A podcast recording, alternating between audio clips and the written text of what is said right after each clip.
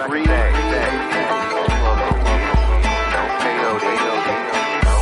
setmana literària.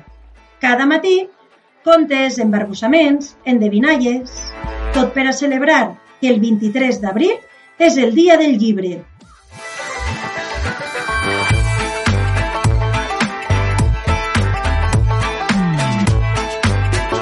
Una vegada una velleta que criava gallines. Gallines, pollastres, mig pollets. Tenia gallines filipines, gallines flor d'almetler. Tenia gallines japoneses, gallines amb sabates, gallines de totes les formes i maneres.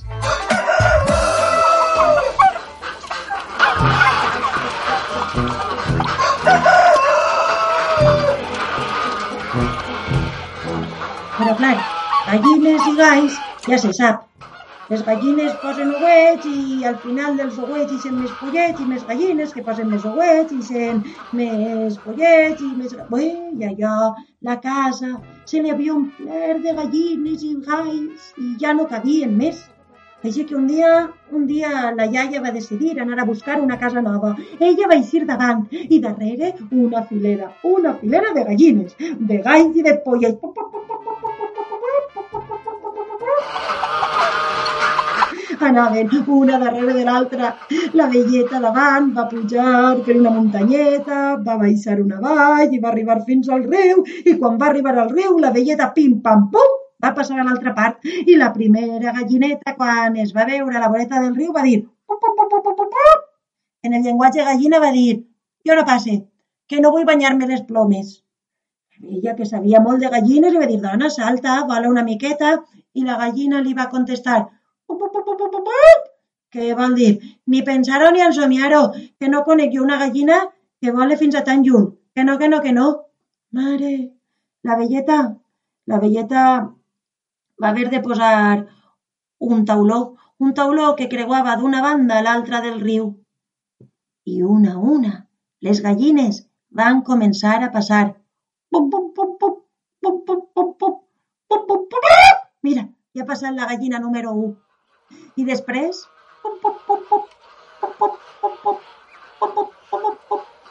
Mira, ja ha passat la gallina número 2. I després...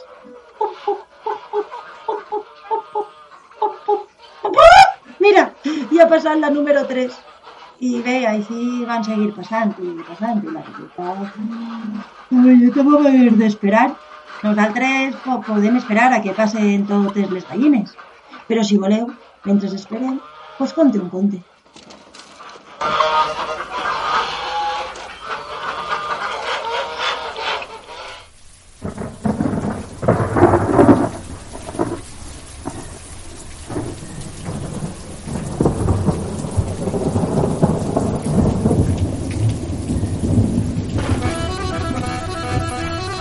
Era un dia fred i plujós.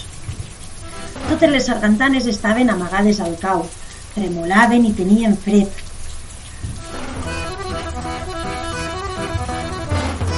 I és que a les sargantanes, que són de sang freda, els agrada molt la calor, estirar-se damunt d'una pedra encara que passa 40 graus. Això és el que més els agrada. Però els dies que plou i fa fred es posen de mal humor, es claven dins del cau que allí estan discutint tot el rato. Aquell dia, la sargantana més decidida de totes va dir «Me'n vaig. He sentit que al centre de la terra hi ha un foc que crema contínuament. Me'n vaig fins allí a escalfar-me. Tu no estàs bé de la merola. Per a què has d'anar fins allà? El sol eixirà, dona, espera't així. Que me'n vaig. I se'n va anar. Va començar a escavar.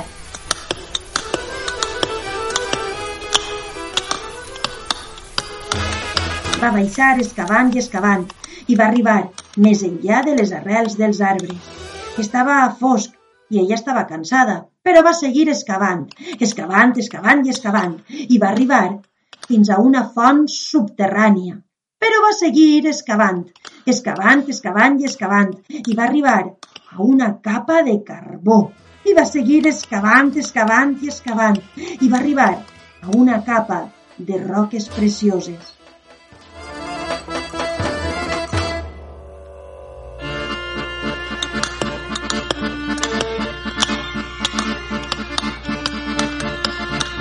Seguir excavant. I aleshores va ser quan va arribar al foc. Ja es veien les flames i les pedres, les primeres pedres que va veure, eren de color blau.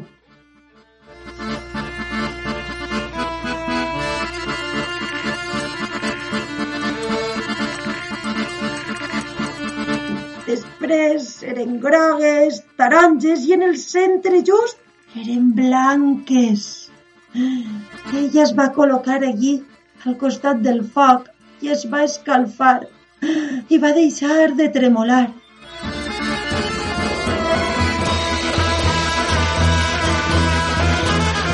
Quan ja estava ben calenteta, va tornar a pujar per el aquell túnel que ella mateixa havia excavat.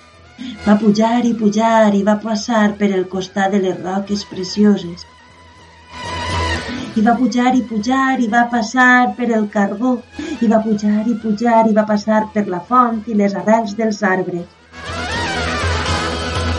I va arribar al cau, i quan va arribar al cau li va ensenyar, allí va contar a les sargantanes com era el foc que havia vist.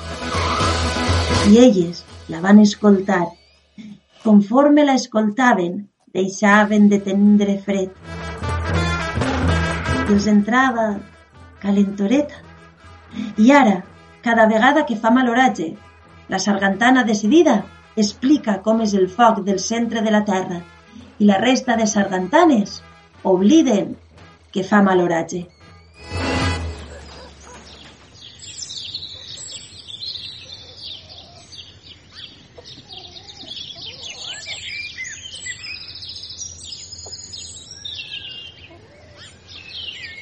Del 27 contes sorprenents d'Úrsula Wolf.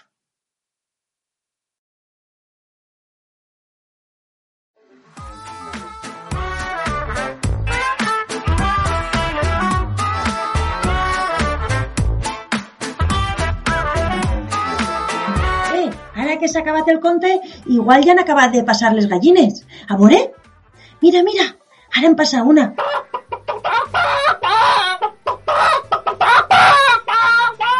Mira, mira, és la gallina... Ai, la 93. Em falten poquetes. La velleta en tenia unes mil. Si voleu, s'esperem. Però esperar és un poc avorrit. Si voleu, mentre esperem, vos conte un parell d'endevinalles.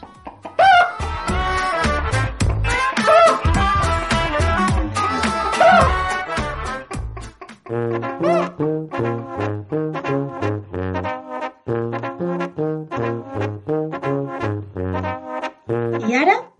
endevinalles musicals.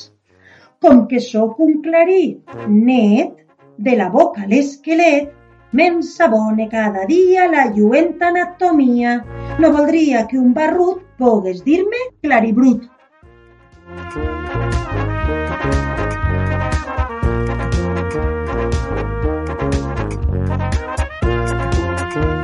Què? Ja saps quin instrument és? Doncs vinga, que va un altre. Diu...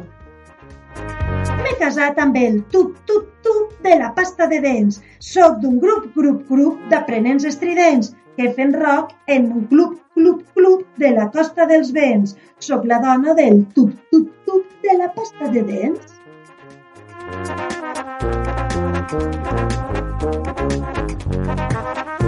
I què?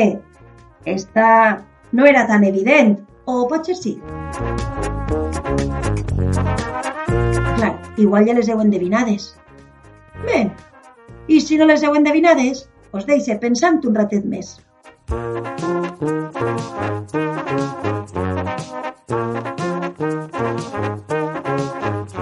Aquestes i altres endevinalles i poemes els podeu trobar al llibre Més música mestre de Miquel Desclot. Heu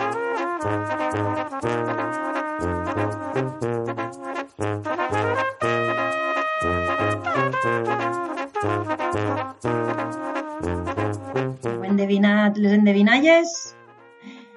Ai, mira! Anem a veure si ja han passat les gallines i puc acabar-vos de contar el conte de la velleta. Mira, mira, em passa una. A veure, mira, la, la 223. Bueno, encara queden unes quantes. Jo vos acabaria de contar el conte de la velleta, però és que encara estan passant gallines. I jo vos el contaria, de veritat, eh? però és que encara estan passant gallines. Si de cas un altre dia, quan acaben de passar, vos l'acabe de contar.